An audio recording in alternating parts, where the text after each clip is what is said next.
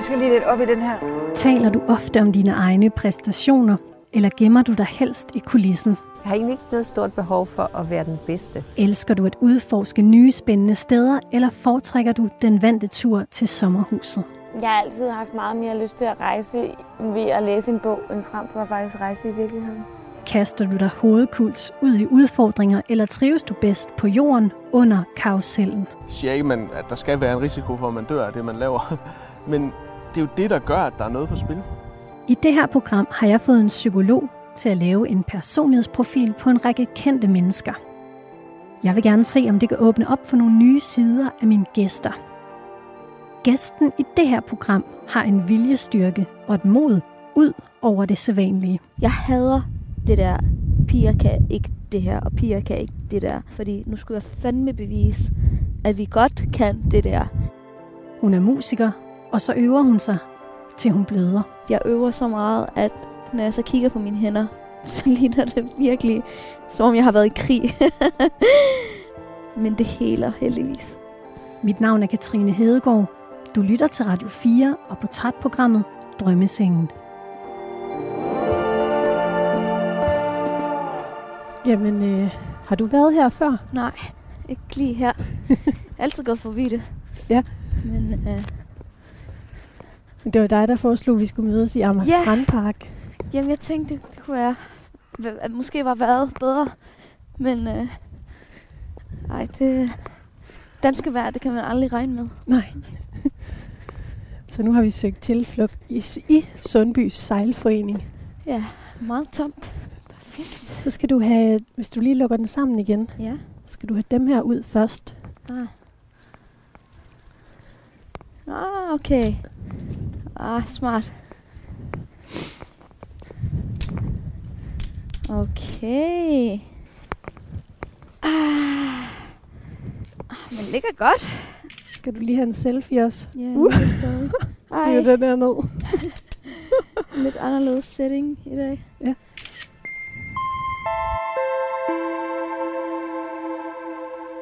Ian Heider. Ja. Du blev 28 i går. Ja, Tillykke med det. tusind tak. Og øhm, jeg vil lige præsentere dig lidt for lytterne. Du blev født i Irak i 1993, mm-hmm. og du Mhm. kom til Danmark som 10-årig. Ja. Efter din far, mildest talt, havde gået igennem hel- et helvede for at komme i forvejen og bane vejen for jer, resten Ja. af familien. Du er trommeslager, Mm. Og du blev for alvor kendt i 2012, da du spillede trommer i øh, vindersangen i det danske Melodi Grand Prix med Soluna Samai. Eller Samai, siger man Samai, så? ja. Samai. Privat er du gift med en anden musiker, Mm. Esben, Sp- Esben Svane. Og så er du lige nu bogaktuel med bogen Pigen med trommestikkerne, som du kalder historien om din frihedskamp. Ja. Og der er jo så meget, jeg gerne vil tale med dig om. Jeg har virkelig glædet mig til, at jeg skulle møde dig, Ian. Ja, jeg har glædet mig til at lave det her. Og sige- Meget anderledes, end hvad man plejer. Ja, jeg ved ikke, hvad du plejer. Det plejer altid at være i studie. ja. Men det her, det er fandme fedt. Men inden vi har lagt os her i Sundby Sejlforening, der har du svaret på 240 spørgsmål. Ja, Hvordan Ja. var det? Det var virkelig interessant og virkelig sjovt. Også fordi spørgsmålene var, de var meget personlige på en eller anden måde, og, og det, det får en til at tænke. Så jeg brugte, jeg brugte noget tid på, på, at svare, på at svare dem. Så jeg glæder mig til at snakke om, hvad, hvad det er, at du er kommet frem til. Ja. Så det er jo egentlig ikke mig, der er kommet frem til noget. Det er en psykolog, Mm. Som har kigget på dine besvarelser, og så har hun lavet sådan fem hypoteser, Ja. som øh, dykker ned i sådan fem dele af din personlighed. Ja. Så det er jo spændende, Helt om du vildt. kan genkende dig selv, for det er jo dit selvbillede, vi skal kigge ind i nu. Ja. Det første, vi skal tale om, Ihan, det er øh, emotionelle reaktioner. Okay. Og det handler om, hvordan vi reagerer på vores følelser. Mm. Og der vil jeg starte med at spørge dig, Hvad vil du beskrive som en presset situation? Uh, en presset situation. Jamen, jeg kan give et eksempel. Um, vi skulle spille i Jylland. Uh, I Kongens Have. Nej, faktisk Odense. I Kongens Have Odense. Uh, kæmpe scene. Jeg tror, der var 5.000 mennesker. Um, og vi kommer fra et andet show. Det med dit band Liga. Ja, lige præcis. Og da vi kommer frem, så finder jeg ud af, at vores turmanager havde glemt min tromme, trommestiktaske. Nej. Så jeg havde ingen trommestikker med. og vi skulle på om 10 minutter. Så det var en virkelig presset situation. Ja. Og jeg stod der, og faktisk så løb jeg lidt sådan rundt på stedet backstage, for at lede efter noget, jeg kunne bruge som trommestikker. og der var bare ikke noget. Så det ender med, at vores turmanager, han tager bilen, kører ind i, by, kører ind i byen i Odense. Han finder, det, altså det var sådan en sommer, sommerdag, og der var, der, var, der var gang i byen den aften, den dag. Uh, han går ind i et telt, hvor der sidder et jazzband og spiller. Og han går op til trommeslageren. og tager et par trommestikker fra ham. Nej. Og løber tilbage til bilen og kører tilbage til os. Og han når frem lige, lige da verden introducerer os. Og vi var ind på vej på scenen. han når lige frem. Han når lige at række mig de trommestikker, inden vi går på. Det var en virkelig presset situation, synes jeg. Er du impulsiv? Ja. Der er tit altså, situationer, som jeg ikke... Altså, jeg overtænker ikke tingene. Øh, og jeg, jeg tager tit beslutninger ud fra, hvad min mavefornemmelse fortæller mig. Øh, og det ved jeg ikke, det synes jeg er en fordel, fordi jeg hader at overtænke tingene. Øh, så ja, jeg vil, jeg vil sige, at jeg er impulsiv på mange områder. Jeg kan lige læse den her hypotese op for dig. I han håndterer stort set alle situationer med ro og overblik. Mm. Du er i hvert fald også virkelig rolig nu, når vi ligger her. Det er ikke Ja. noget, der sådan stresser dig. Slet ikke. Det gør sådan at være på, og sådan, det er ikke noget, du, du bliver nervøs over, eller... Ikke mere. Nej. Nej, ikke rigtigt. Nej, jeg, jeg er faktisk et roligt menneske, når det kommer til sådan nogle, sådan nogle ting. Øhm, men det er også noget, som jeg selvfølgelig arbejder på og bliver bedre til. Men, øh, men som sagt, jeg overtænker ikke tingene, eller lader tingene gå på, på mig. Altså det er sådan, det, det har jeg ikke tid til. Nej. Så står det her, der skal utrolig meget til at presse hende, og hun, og hun tager i høj grad tingene, som de kommer. Hun hviler i sig selv og møder verden med et positivt sind. Hun har dog en tendens til at agere impulsivt og reagerer oftest på sin umiddelbare behov, uden at tænke synderligt over konsekvenserne. Mm, ja, Ja, det lyder meget som mig. det kan du godt genkende. ja. ja, det er mig. Okay, jeg kan give et eksempel. Ja. Min bog kom ud den 15. marts. Og på udgivelsesdagen, der, øh, der ringer God Aften Danmark til mig. Og jeg vidste, at jeg skulle ind og lave et interview. Men de ringer og spørger, om jeg skulle komme ind og spille. Og uden at tænke over det, så siger jeg bare ja. Og jeg har jo ikke forberedt noget som helst. Jeg ved ikke engang, om jeg har noget, jeg kan spille. Altså, men jeg tænker, selvfølgelig skal jeg det. Ja. Selvfølgelig skal jeg det.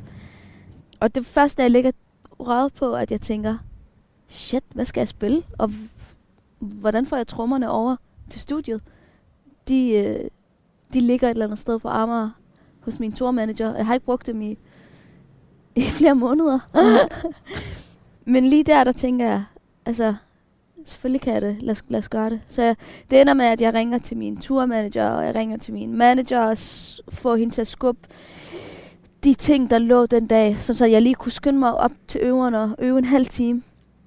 Øh, og så får jeg min turmanager til, til at køre trommerne op og stille dem op i studiet. Og, og der har jeg nemlig min kæreste med. Og, han, og for ham var det der, altså, hvordan kan du gøre det der? Altså, det, hvor, hvordan kan du sige ja? Du har ikke øvet, du har ikke, du har ikke noget, du kan optræde med. Hvordan? Og jeg var sådan, ej, selvfølgelig kan det, det, det, det kan godt lade sig gøre. Kom, vi gør det bare. Og, og, og 90 procent af tiden, så går det godt. øhm, fordi jeg har, jeg tror, jeg, jeg, jeg ser det positive i tingene, før jeg begynder over at tænke, hvad der kan gå galt, eller hvad der, hvad der ikke kan lade sig gøre. Og sådan har jeg altid været. Det, det tror jeg, jeg har fra mine forældre. Øh, jeg har taget lidt øh, drikke bare med. Jeg ved ikke om... Øh, Jeg tror, kan du lide den. sådan noget kaffe latte? Ja, jeg tror. Jeg, jeg, har, ikke- jeg har ikke smagt det her, men øh, dem glæder jeg mig til. Må jeg tage? Og også en flaske vand. Dejligt. Jeg har ikke fået morgenmad endnu. Ej, du er lidt død sulten så. Nej, det er okay. Jeg står sent op. Hvornår står du op? Klokken 11. Ej, den er god. Det var godt. Og her ved siden af os øh, er der en, der står og hamrer på et eller andet. Det er lidt uheldigt, at han lige skulle starte nu. Du kan jo godt øh, tage den længere op, hvis du vil længere op. Kan jeg det? Nå, okay, sådan der. Ja. Åh, oh, lækkert. Altså måske tænker jeg lige her for lytterne, at vi lige skal have beskrevet lidt af din rejse Ja. Øh, frem mod at blive trommeslager. Mm. Fordi du kommer fra Irak, øh, er muslim. Det at være trommeslager, og særligt kvinde, det er ikke nogen, man finder mange af. Nej. Kan du prøve at fortælle lidt om din rejse? Ja. Jamen altså, vi kom til Danmark der i 2003, og mine forældre gjorde det rigt, altså meget klart for os børn, at vi skulle uddanne os og få en god uddannelse. Og en god uddannelse for dem, det er det er lige med et godt liv. Altså, vi skulle være advokater og læger og tandlæger. Fordi de havde kæmpet for, at vi skulle komme hertil og få et godt liv. Så det, det skulle vi. Øh, og det har jeg også altid vidst. Men i 5. eller 6. klasse, der havde vi musik. Og så kom jeg tilfældigt til at sidde bag trommerne. Og så spillede jeg det, vores lærer han viste. Og det var jeg rigtig god til. Og det, det, læreren var meget imponeret, så han begyndte at opfordre mig til at spille. Og gav mig lov til at låne musiklokalet efter skole og mellem timerne. Og nogle gange kom jeg også tidligt øh, i skole for at kunne sidde i nogle minutter og spille lidt. Så jeg begyndte at låne musiklokalet meget og sidde og øve for mig selv og sidde og spille til min yndlingssang. Og det kom jeg så hjem til mine forældre og sagde, at jeg var blevet rigtig forelsket i musik og trommer og alt det der. Om jeg ikke, om jeg ikke kunne gå til det, eller sådan bare lige dyrke det lidt. Og det fik jeg slet ikke lov til. Altså mine forældre sagde, at jeg skulle koncentrere mig på min skole og fokusere øh, på at klare, klare, klare mig godt med lektierne og alle de ting. Så jeg begyndte at lyve og sige, at jeg var til lektiecafé øh, efter skole. Øh, men så i stedet, der sad jeg ved trommerne og bare spillede. Og det fortsatte jeg med at gøre, til da jeg kom på gymnasiet i de tre år. Jeg blev venner med pedellerne og rengøringskonerne, fordi de kunne låse mig ind i musiklokalet. Og så, øh, jamen det, det fortsatte helt op til, at jeg en dag skulle deltage i øh, Melodi Grand Prix, altså skole MGP. Der var sådan 10 bands, og vi skulle optræde for forældrene og sådan. Mine forældre var der ikke, men, øh, men jeg, jeg, jeg optrådte med en sang, Natasha, giv mig Danmark tilbage. Og det endte med, at jeg vandt den konkurrence faktisk. Den performance blev optaget, filmet og lagt op på YouTube. Og det endte med, at den, øh, at den blev sendt rundt, og på en eller anden måde så endte den hos øh, Chief One, produceren, som på det tidspunkt stod og manglede en trommeslager til et band, øh, til, til det rigtige Melodi Grand Prix. Og så ringede han til mig og spurgte, om, om jeg ikke ville være med. Og det ville jeg jo helt vildt gerne. så jeg tog hjem og sagde det til mine forældre. Og det gav mig en losing. Altså, det var bare sådan umuligt. Det skal du bare ikke. Ja, en ægte løsning. øhm, og min storebror kom også ind i billedet og ville ikke have, at jeg skulle deltage. Og piger spiller ikke musik, piger spiller ikke trommer, og jeg skulle i hvert fald ikke på tv med det. Hvad ville naboerne sige? Det endte i en kæmpe skænderi mellem øh, mig og mine forældre og min storebror, hvor jeg tabte og måtte sige, nå, så bliver jeg bare hjemme. Men det gjorde jeg jo ikke. Altså, jeg, jeg, jeg havde ikke nævnt, hvornår det var. Så da tiden kom, der sagde jeg, at jeg skulle på fysikudflugt med min klasse i fire dage. Og så tog jeg afsted. Min lillebror vidste, hvor jeg var hen. Ja. Så han, øh, han tændte for tv'et den aften. Så de sad og så DR. Og det plejer de jo aldrig at se. De ser altid arabiske kanaler. Men øh, lige den aften, der sad de og så med. Og de var rasende. Og ringede til mig flere gange. Men altså, Under showet. ja. Ja. Jeg turde ikke at tage den. Jeg tog den dagen efter. og, øh, men altså, der, havde vi, der vandt vi jo konkurrencen, og de så, at øh, det var ikke bare et garageband. Det var, det var meget professionelt, og det lød godt, og det var en god sang, og naboen synes lige pludselig, det var sejt, at jeg var med, lokalsamfundet synes, det var fedt, at jeg var med. Så mine forældre blødte op, da jeg så kom hjem dagen efter. Ja. Ja, for du var på forrest, kom, altså alle hyldede dig som en stjerne i Ja. ja. Gældsted. Helt vildt. Den lille by nede ved Næstved, Ja. ja. hvor I kom til at bo, og hvor, hvor, hvor du har boet hele din barndom. Ja, ja. Jamen det gjorde det, og jeg, jeg var på forsiden af Sjællandske Avis, og altså det var virkelig, det var virkelig big deal, og det kunne mine forældre godt se. Der er noget i din profil her. Det næste punkt, vi er nået til, det er det, der hedder ekstroversion. Det er altså nogle ret øh, vilde ord, det her. Men det handler om den mængde energi, vi retter udad mod Ja. ja. vores omgivelser. Og så samt vores øh, sådan behov for at blive stimuleret udefra. Okay, ja. Er du med på, hvad, hvad det handler om? Ja,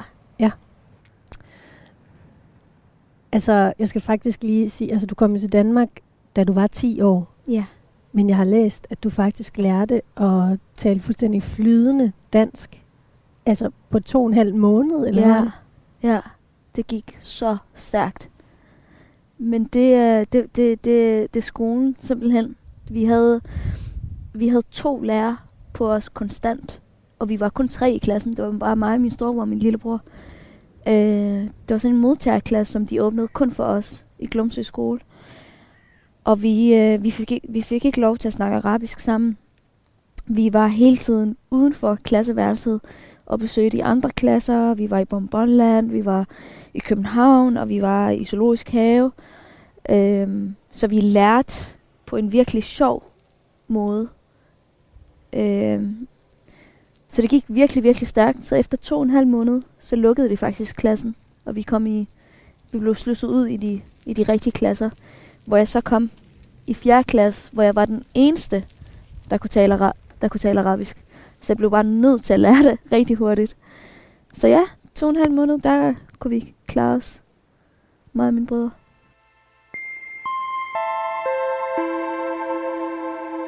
Altså jeg synes bare, at din historie den er så vild. Og det er det, jeg synes, der er spændende. Det er derfor, jeg har inviteret dig med til at være med i det her program. Fordi Ja. jeg vil gerne finde ud af, hvad er det i din personlighed? Ja.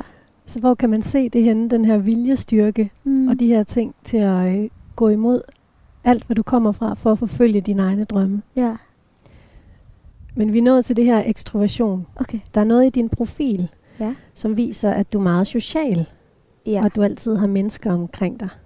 Ja. Kan du genkende det? Ja. Der står her.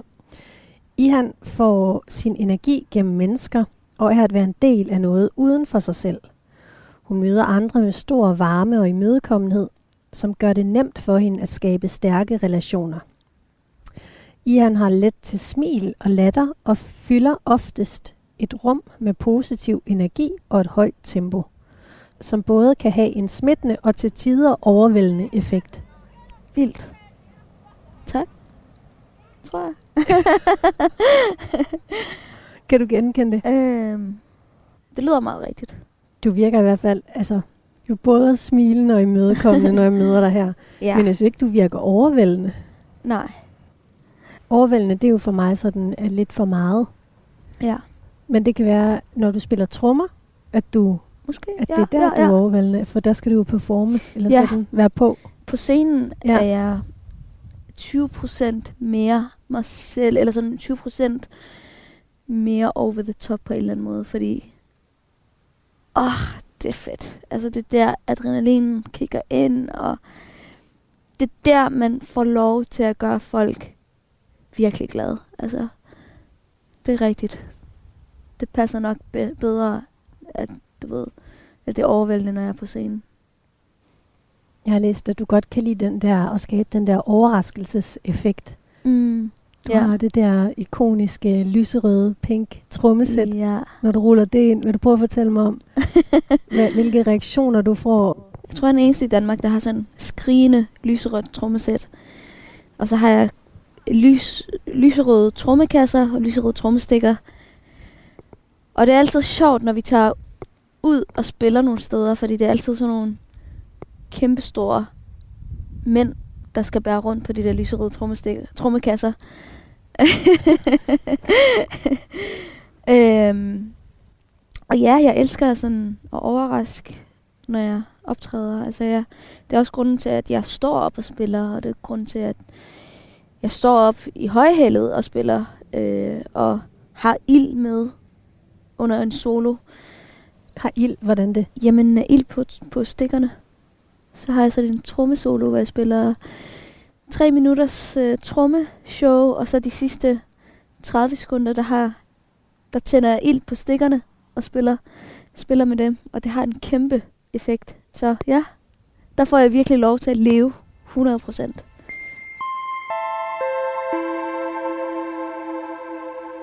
Kan, du- kan du lige fortælle lidt mere om det der med, øhm, altså fordi det er vel også en overraskelse i det der med, at folk har forventninger til, at piger, de kan ikke spille trommer. Mm. Ja. Og så kommer du ind, og så giver du den bare.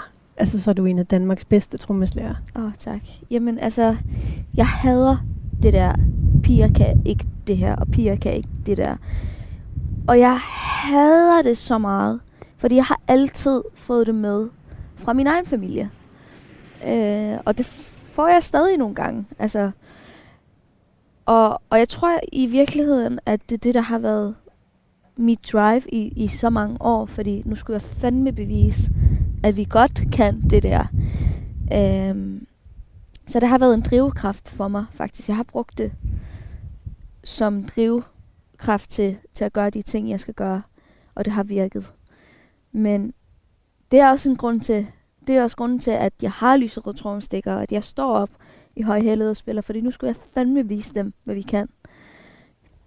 Jeg skal sige til lytterne, at du lytter til Drømmesengen på Radio 4, og jeg ligger her sammen med dig, Ian Heider, Mm-hmm. på Amager i Sundby Sejlforening. Ja, Et sted, ingen af os har været før. nej.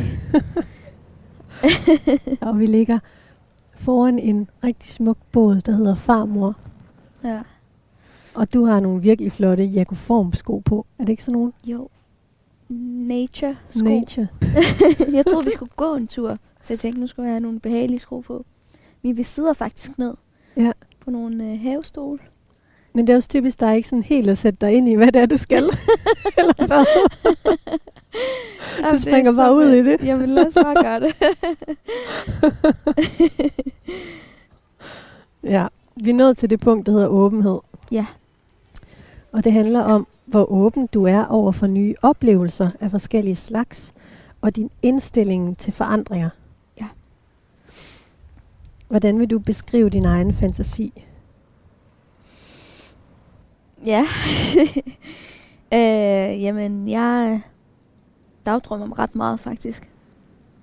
Øh, og det, det har også været, altså, alle de ting, jeg har gjort, dem har jeg drømt om først, før jeg turde at gå efter dem. Så jeg har en meget livlig fantasi, vil jeg sige. Men hvad har du stående?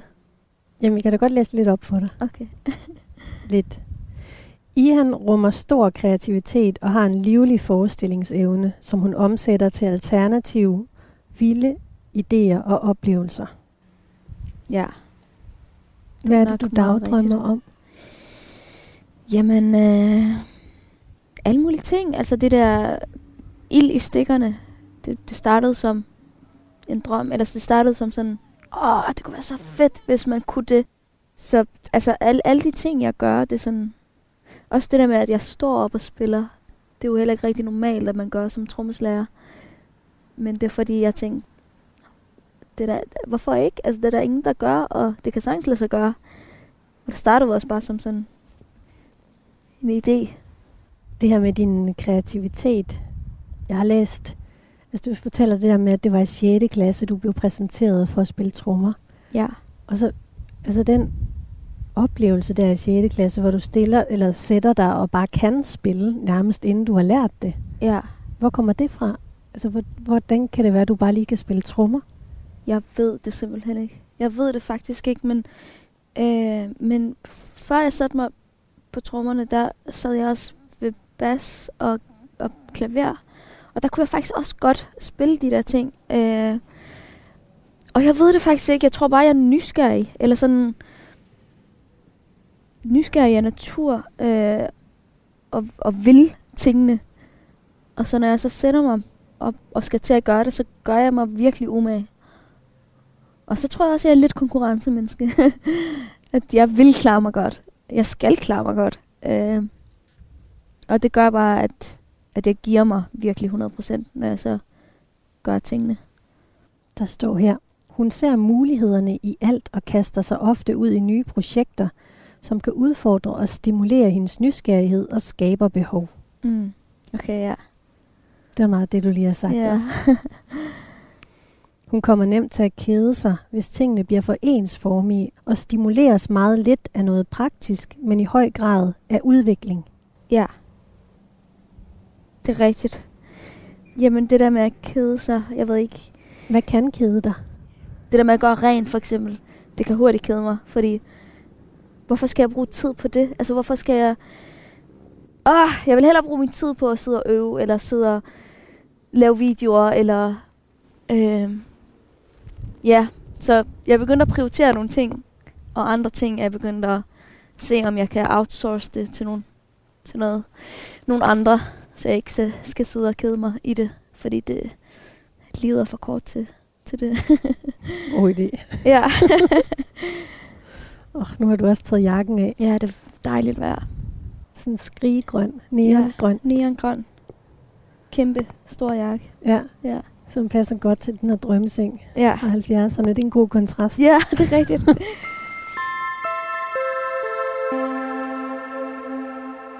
Det næste, vi skal tale om, det er venlighed.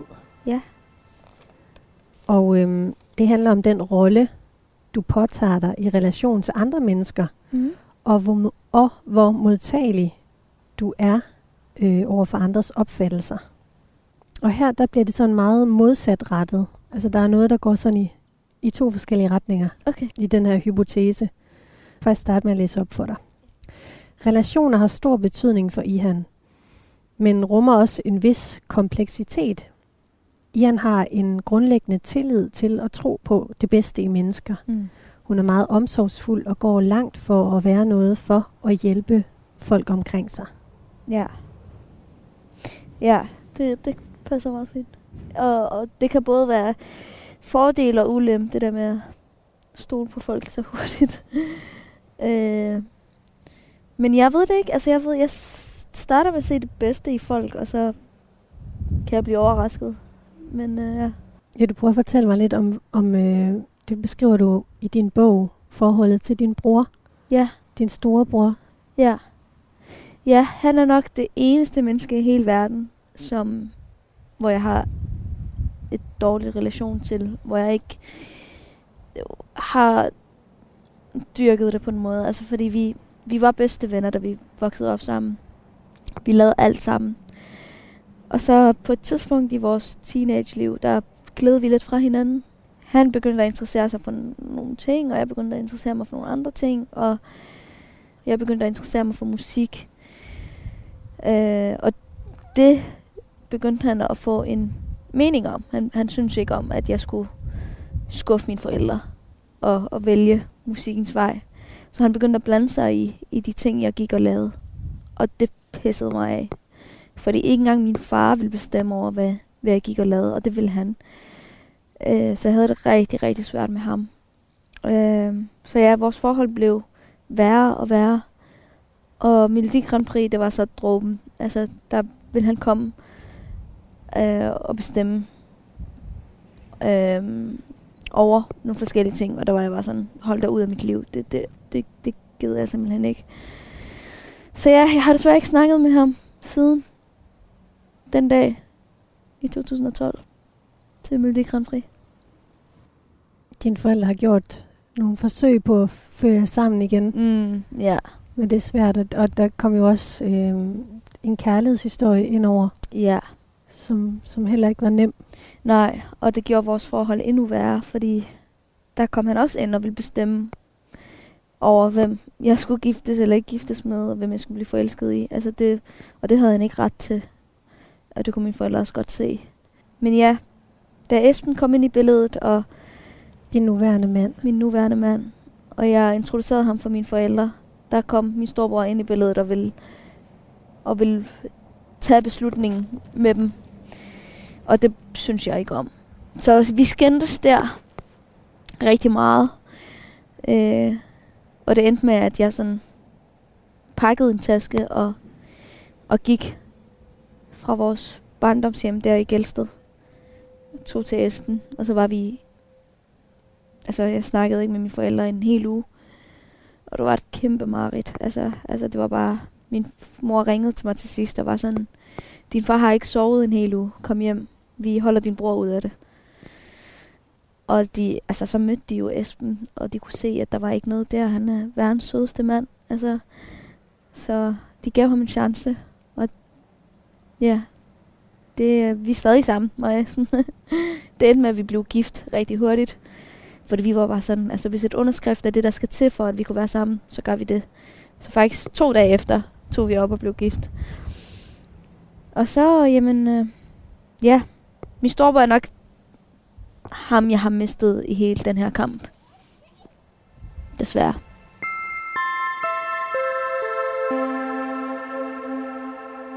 Ian, kan jeg egentlig få dig til at tage din ørering ud derovre? Kan man høre det? Fordi den klapper lidt Nå, ind i øh, selvfølgelig. sådan der.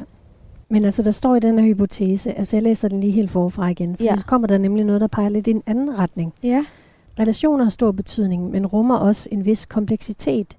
Ian har grundlæggende tillid til og tror på det bedste i mennesker. Hun er meget omsorgsfuld og går langt for at være noget for folk omkring sig. Samtidig har hun behov for at fokusere på sig selv og gør, hvad hun kan for at påvirke situationer og mennesker, så hun får det, som hun gerne vil have det. Mm. Ian kan reagere på provokationer og have svært ved at tilgive krænkelser, hvilket kan føre til mistro og konfliktfyldte relationer. Øj, det er, det ramte de plet. Ja. Det er rigtigt. Så det er sådan noget, der handler om stor kærlighed, men samtidig så har du også i den her kamp jo, jo været nødt til at gå bag om Ja. ryggen på en masse mennesker, Ja, for at få det, som du gerne vil have. ja. Øh, og det gjorde jeg kun, fordi jeg vidste, at mine forældre ville forstå det på et tidspunkt. De skulle bare lige... Tingene, nogle gange skulle, ting, skulle tingene bare ske, før folk kunne forstå meningen bag. Øh, og specielt med, med den kultur og de, den baggrund, jeg kom med. Det var virkelig svært for mig at, at, at få tingene til at ske hurtigt. Fordi jeg ved godt, det kræver rigtig meget tålmodighed, og det kræver rigtig meget tid. Og jeg kan også godt forstå mine forældre. Det har været rigtig svært for dem, og hårdt for dem, at deres lille pige gik og, og valgte en rigtig ustabil vej. En ustabil karriere. Jeg kan godt forstå det. Øh, men på samme tid var jeg bare sikker på min sag. Jeg var sikker på min mavefornemmelse. Det var det, jeg gerne ville. Så jeg måtte bruge nogle forskellige metoder til at, til at få min vilje. På spørgsmålene i den her profil, der har du svaret, altså man skulle sådan svare på spørgsmål, så skulle man sige, at man var meget uenig, uenig, neutral, enig eller meget enig. Ja. Og så fik du et spørgsmål, der hedder narre folk til at gøre ting. Så har du skrevet, skrevet meget enig. Med, Ikke alle folk. jeg vil bare lige sige, ikke alle folk. Kun mine forældre. Kun min familie. Hvis jeg skal narre dem til at gøre, så gør jeg det. ja, ja. ja. Det, det, der var jeg meget enig. Med ærlighed kommer man ikke langt. Enig. Ja. Er parat til at manipulere med folk. Enig. Åh, oh, man, jeg lyder som et forfærdeligt menneske. Nej, men det er seriøst. Altså, det, det var de redskaber, jeg måtte tage over for mine forældre, dengang jeg, jeg voksede op. Det der med at sige, at jeg var hjemme hos en veninde, men i virkeligheden var jeg til en koncert. Eller det der med, at jeg var til lektiecafé, men i virkeligheden sad jeg i musiklokalet og øvede trommer. Du var på fysik udflugt. I Ja. virkeligheden sad du og spillede. på live tv.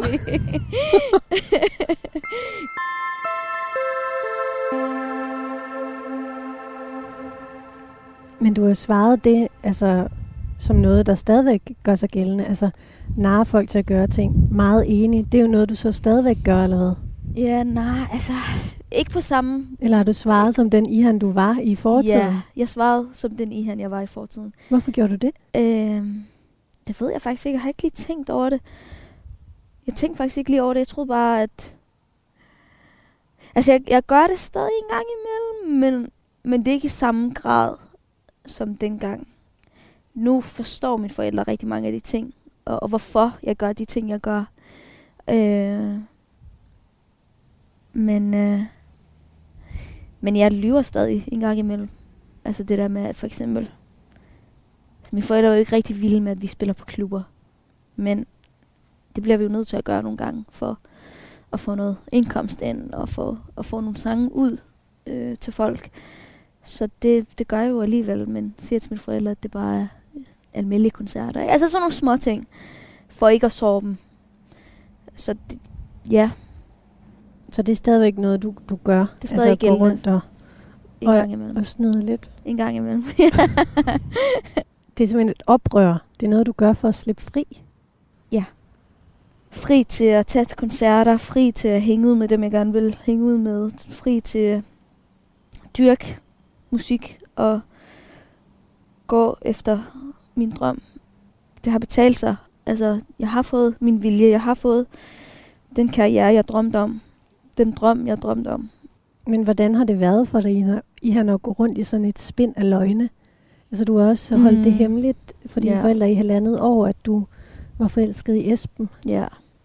Jamen, det har været forfærdeligt. Altså, jeg hader, jeg hader at lyve, og jeg er faktisk ikke en særlig god løgner. Øh, og jeg hader at lyve for, for de mennesker, jeg elsker allermest på jorden. Og det har også været rigtig, rigtig hårdt at skulle leve sådan et dobbeltliv. Øh, men på samme, på samme tid, så var jeg også sikker på min sag. Jeg var sikker på min mavefornemmelse. Det var trommerne, jeg gerne ville have. Det var Esben, jeg gerne ville have. Øh, og det skulle blive sådan. Og mine forældre kan nok forstå det på et tidspunkt. Øh, og, og mange af tingene skulle jeg jo også selv forstå først. Altså, det der med at vælge trommer til, og ikke en, en stabil karriere som advokat eller læge. Altså, er, jeg sikker på det her? Altså, det, det vidste jeg jo ikke engang selv. Så jeg måtte prøve det frem. Også det med Esben, altså, elskede jeg ham virkelig så meget, at jeg vil giftes med ham. Altså, er det her en langtidsting, eller er det her bare en kort crush? Altså, det skulle jeg også selv finde ud af. Så det, det, for mig var det en nødvendighed at, at holde det skjult, for at jeg selv kunne være med, og selv kunne finde ud af det først, før jeg kunne overbevise andre om det. Det er måske meget godt lige at få med os. Jeg startede med at sige i starten, at din far han jo rejste i forvejen og var igennem et helvede for at bane vejen for jer. Ja. Resten af familien. Ja. Kan du lige prøve at fortælle lidt om, hvad det var, han ligesom offrede for mm. jer? Og hvad din, din sådan... Øh, altså hvorfor det var så vigtigt for dig at, øhm, at leve op til de forventninger, dine Ja. forældre har haft. Altså, mine forældre har jo efterladt alt, hvad de kendte, alt, hvad de ejede tilbage i Irak. Hele vores familie. Og øh, de har offret det for vores skyld. Min far, han flygtede jo syv gange. Seks gange blev han fanget, tortureret og sendt tilbage. Så syvende gang lykkedes det ham at komme væk. Og det siger jo meget om den mand, han er. Altså, hvem gør sådan nogle ting? Og det siger også meget om, hvad de, altså, hvad de gik igennem for at få os hertil. Fordi de vidste, at der var ikke nogen fremtid for os i Irak. Altså vores hus blev også bombet en måned efter vi kom hertil. Så min far havde bare, han havde bare set det komme. Han skulle bare få sin familie væk fra krigen. Det var da Saddam Hussein Ja, invaderet. Nej, da USA invaderede Irak og Ja. væltede Saddam Hussein. Så de offrede rigtig, rigtig, rigtig mange ting for os. Så jeg skyldte dem at klare mig godt. Øh, jeg skulle klare mig godt. Fordi de har bare... De har gjort det for os. For mig og mine søskende. og de har bare været de bedste forældre, nogen kunne ønske sig, og stadigvæk er det. Så det var virkelig vigtigt for mig at klare mig godt. Øhm, og det var nok også derfor, at jeg virkelig, virkelig gjorde mig umage med tingene, fordi de skulle ikke føle, at de kom for ingenting hertil. Jeg skal sige, at du lytter til Drømmesengen på Radio 4, og jeg ligger her sammen med dig, Ihan Heider, i, øhm, eller på Amager. Ja. Sundby Sejlforening. Ja. Et meget random sted. Meget random sted. Men meget hyggeligt. Ja. Og nu bliver det lidt koldt. ja, det gør det faktisk, når solen forsvinder. Den her vandflaske, den er jo også til dig. Åh, oh, tak. skal du bare tage, hvis du bliver tørstig. Ja, vi er også nået til det sidste punkt. Okay. Det hedder samvittighedsfuldhed. Ja. Og det handler om, hvor stærk din beslutsomhed er, og hvor stort et drive du har i forhold til at nå dine mål. Ja. det, det synes spændende. jeg er det mest interessante. Ja. Hvem styrer din skæbne? Det gør jeg. 100 procent. Det gør jeg. Øh, der er jo ikke nogen, der kommer og gør det for dig. Altså, vi er virkelig, det, det er os selv, der styrer, hvordan vores liv kommer til at være. Og også med trommerne, også med mit kærlighedsliv. Og jeg har altid bare tænkt, hvis, altså jeg fortjener det, hvis jeg lader nogen komme og bestemme over, hvordan jeg skal leve mit liv, og jeg ender med at være ulykkelig, så fortjener jeg det fandme. Fordi det skal ikke ske. Jeg skal selv bestemme over, hvordan mit liv skal se ud, hvordan min fremtid skal se ud. Jeg skal selv tage styringen, for ellers bliver jeg ulykkelig. Øh, så ja, 100 procent. Vi er total herre over vores egen skæbne.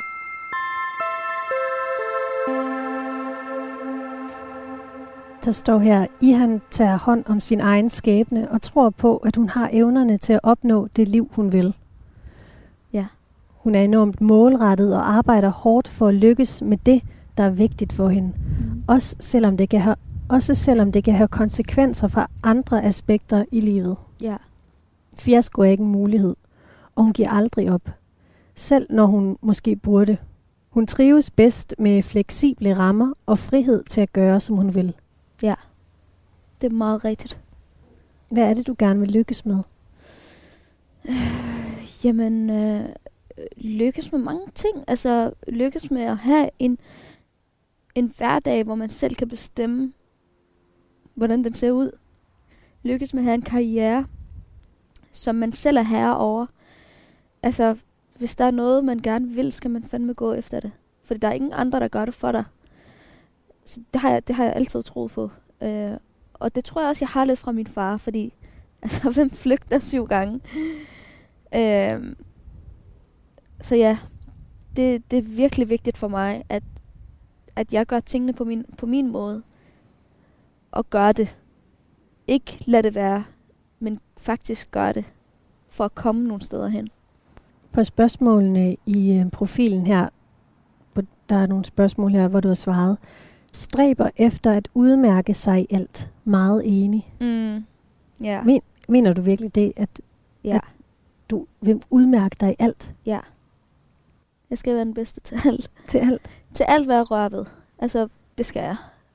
Og, og, og igen det der med, at det er fordi, jeg er virkelig nysgerrig, og jeg virkelig, jeg vil gerne gøre, mig, gøre det godt i de ting, jeg, jeg, jeg sætter mig ind øh, i.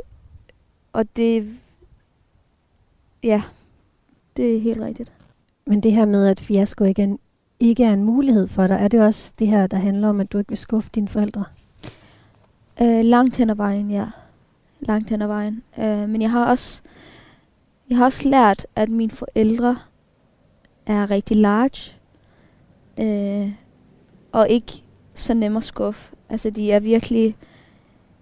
De, de, de er blevet meget forstående over for de ting, vi gør, og over, de, over for de beslutninger, vi tager. Og, og det er virkelig rart, altså, fordi jeg kan se det i min lille søster. Det er det der med, at hun får lov til at gøre hvad som helst, og mine forældre tager det helt roligt. Altså, de, der er ingen pres på hende. Hun, hun skal ikke tænke på at blive advokat eller læge. Eller, og det er virkelig dejligt, fordi det, det gør bare, at min lille søster trives og kan tage det med ro og ikke stress over de ting. Du har været villig til at gå virkelig langt for at nå din frihed. Du kunne have mistet hele din familie på vejen. Mm. Så langt ved jeg ikke, om jeg selv ville have gået. Hvad er det, der har gjort, at du, du har kunne gennemføre det? Øh, det er et rigtig godt spørgsmål.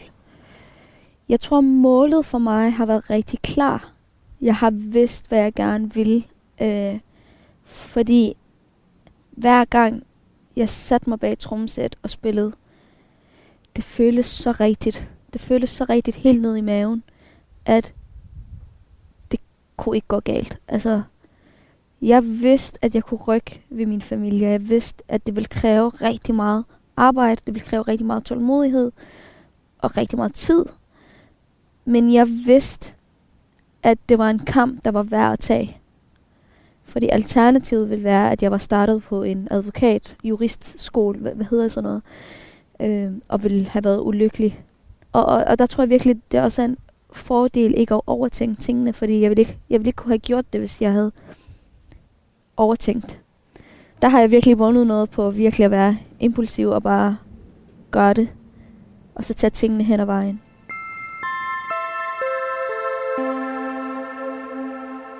Du har købt både en bil og en lejlighed til dine forældre Ja. for nogle af de penge, du har tjent som musiker. Mm. Hvorfor gjorde du det? Jamen, øh, for det første så øh, begyndte vi at få rigtig, rigtig travlt med liga, så jeg var i København næsten hver dag, og da jeg så mødte Esben, så flyttede jeg jo til København. Kan du egentlig ikke lige, inden du fortæller det, kan du så ikke lige fortælle mig, Jo. hvordan du kom ind i Liga, og hvad Liga er for lytterne, der ikke ved, hvad Ja. for de få lyttere, der måtte være derude? Ja. Jamen, øh, efter Melodi Grand Prix, der øh, tog Chief One fat i mig, og øh, fortalte mig om de her to gutter, som han havde mødt over nettet faktisk, øh, som lavede rigtig, rigtig god musik, og han ville, han ville se os sammen. Sådan, og den samtale havde vi i Azerbaijan, da vi skulle repræsentere Danmark i Eurovision. Så da vi kommer hjem, da vi kommer hjem til København, så møder jeg de her to gutter, Niki og Faraz, som øh, jeg så ender med at indspille trommer til, til de sange, de havde skrevet. Og vi er i studiet. Vi begynder at komme i studiet hos Chief næsten hver dag. Og stille og roligt, så bliver vi til Liga og skriver kontrakt med Chief One og Remy, som så signer os til Universal. Og de første tre sange, vi udgiver, de bliver kæmpe hits i Danmark. Så jeg begynder at få rigtig, rigtig travlt med Julia og Julia og øh, skylder der ikke noget den første gang. skylder der ikke Mm. noget mere. Lige præcis. vi vandt en Solo Awards og en Gaffa Awards for årets nye navn, og der skete så mange ting, at jeg vidste, at jeg skulle have mine forældre med, fordi for ikke, for ikke at glemme dem. Så jeg flyttede til København jo, da jeg mødte Esben der, og øh, jeg havde, at de var så langt væk fra mig. Så den første store tjek, jeg, jeg, jeg, jeg fik fra Liga, der købte jeg en lejlighed til dem i Hvidovre. Det var sådan en stor tjek. Så Det var en okay tjek. det var en okay tjek, men det var, det var nok til, at jeg kunne få et lån i banken ja, og kunne købe en lejlighed. Jeg synes, der er ret varmt. Ja, det er solen. Mega Vi varmt. skal nyde det, så længe det var. Føler du, at du står i gæld til dem, dine forældre? Jeg gjorde, øh, og jeg gør måske stadig, og jeg tror altid, at jeg vil have den følelse, fordi de har offret så meget for os. Altså, jeg ville have været død, hvis det ikke var for, at de kom til Danmark og gav os det liv, vi har i dag. Fordi jeres hus blev bombet en Ja. uge efter, I var taget afsted. Ja, og, og også selv hvis det ikke var blevet bombet, altså det liv, jeg ville have fået i Irak, det er... Det, det vil slet ikke komme i nærheden af det liv, jeg har i dag. Jeg er så taknemmelig for, at vi kom hertil, og vi kunne, og vi kunne starte et nyt liv og få en god fremtid. Det, at du er blevet trommeslager, det, det hører jeg da, som om du siger, at det har gjort dig fri. Ja. Det har sluppet dig fri, og når du sidder bag ved trommerne, så kan du være dig selv 100 procent. ja. Hvem ville du have været, hvis du stadig var i Irak? Det tør jeg ikke engang at tænke på. Altså, jeg tror, vi ville have gået i skole, for det ville mine forældre ville aldrig have tilladt at droppe ud. Øh, men min skole blev også bombet i Irak. Altså, og jeg tror, vi ville have flygtet til et andet sted, øh, end det barndomshjem, vi havde. Så jeg ved det ikke. Altså, jeg tror ikke... Jeg ved ikke, hvilket liv jeg ville have haft. I hvert fald ikke det her. Så vil jeg ikke have mødt Esben. Det er også mærkeligt at tænke over. Har mødt du, fordi han spillede trommer i det band, der vandt året inden. Ja, i? Melodi Grand Prix. Så det er sådan en tradition, at det band, der vandt året inden, de optræder. Ja, og der var Esben med. Ja. Øh, så det er også det, hvis jeg ikke var taget med til Melodi Grand Prix, så havde jeg jo ikke mødt ham. Og jeg havde ikke... Ej, jamen det er så vildt at tænke over. Men ja, alt sker af en grund, tror jeg på. Øh, og det var bare meant to be, at jeg skulle være med i Melodi Grand Prix, og skulle møde de mennesker, jeg gjorde. Og Liga ville jo heller ikke have været til, hvis det ikke var, fordi jeg var med. Og havde snakket med Chief, og havde godt, fået et godt forhold til ham. Hvor er du egentlig henne i dit, nu, øh, i dit, øh, i dit liv nu? Altså, hvad har du af planer og drømme? Ja. Du har jo vel ikke kunne spille koncerter med Liga på grund af corona i Nej. 100 år. det, det, det har været forfærdeligt. Altså, vi, øh, vi går lidt og venter på, at tingene åbner op igen. Forhåbentlig skal jeg også ud og holde nogle for, et par foredrag her og der. Og så, øh, jamen jeg ved det ikke. Det er svært at forudse i fremtiden, synes jeg lige nu. Men øh, jeg tager det, som det kommer. Hvordan tjener du penge nu? Jeg tjener lidt penge ved at øh, undervise lidt i trommer. Jeg har lavet en masterclass på sådan tre timer, som jeg sælger til mine elever, og så har jeg lidt Instagram og laver noget på de sociale medier. Men jeg glæder mig altså allermest til, at vi kan, vi kan komme ud og spille, for det er også der, vi tjener vores penge på og kan overleve. Har du flere kampe, du skal have, have kæmpet? Eller føler du dig fri nu? jeg føler mig ret fri nu. altså, det er virkelig, virkelig dejligt. Men øh, den næste kamp bliver nok det der med at tage det næste skridt med Esben. Flytte i hus og få nogle børn. Og, og det ved jeg ikke, om det bliver en kamp. Men i hvert fald, det bliver det, det er noget, jeg glæder mig til. Hvor skal I bo? Jeg kunne faktisk godt tænke mig at komme tættere på mine forældre. Øh, så et sted i Hvidovre måske. Ellers, ja, jeg er ligeglad faktisk. Så længe jeg er sammen med Esben, så kan vi bo hvor som helst. Og han er også konverteret. Han mm-hmm. er også Mhm. muslim nu. Ja, Det skulle han jo være for at blive din mand. ja, Det var et krav for dine forældre. ja. Ja, og heldigvis så er Esben virkelig open-minded, og han studerede islam og begyndte at komme, komme øh, på den danske moské på Nørrebro og lære fra imamen og sådan noget, så han, han gjorde det også af sin egen vilje, og ikke fordi han var tvunget til det. Men, øh, men ja, det er virkelig dejligt.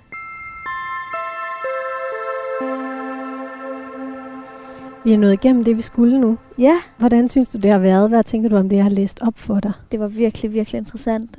Det, det er sjovt at sætte ord på nogle af de ting, nogle af de personlighedstræk, man har, og de ting, man gør. Det, det, det synes jeg faktisk var ret fedt at, at høre, høre.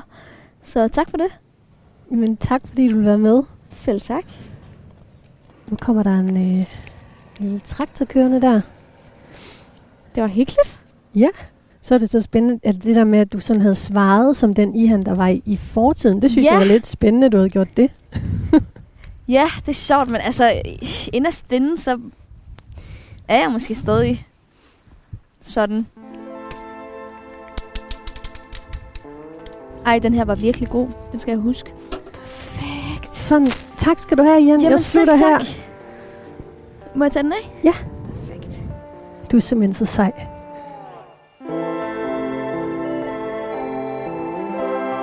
Du har lyttet til portrætprogrammet Drømmesengen på Radio 4. Tak til psykolog Charlotte Råby Jacobsen, der stod for analysen af Ian Heiders personlighedsprofil. Lyttede du ikke med fra starten, så kan du finde det her portræt og alle de andre drømmesengsprogrammer, der hvor du normalt finder dine podcasts. Musikken var komponeret af Steffen Nordenstam. Mit navn er Katrine Hedegaard. Tak fordi du lyttede med.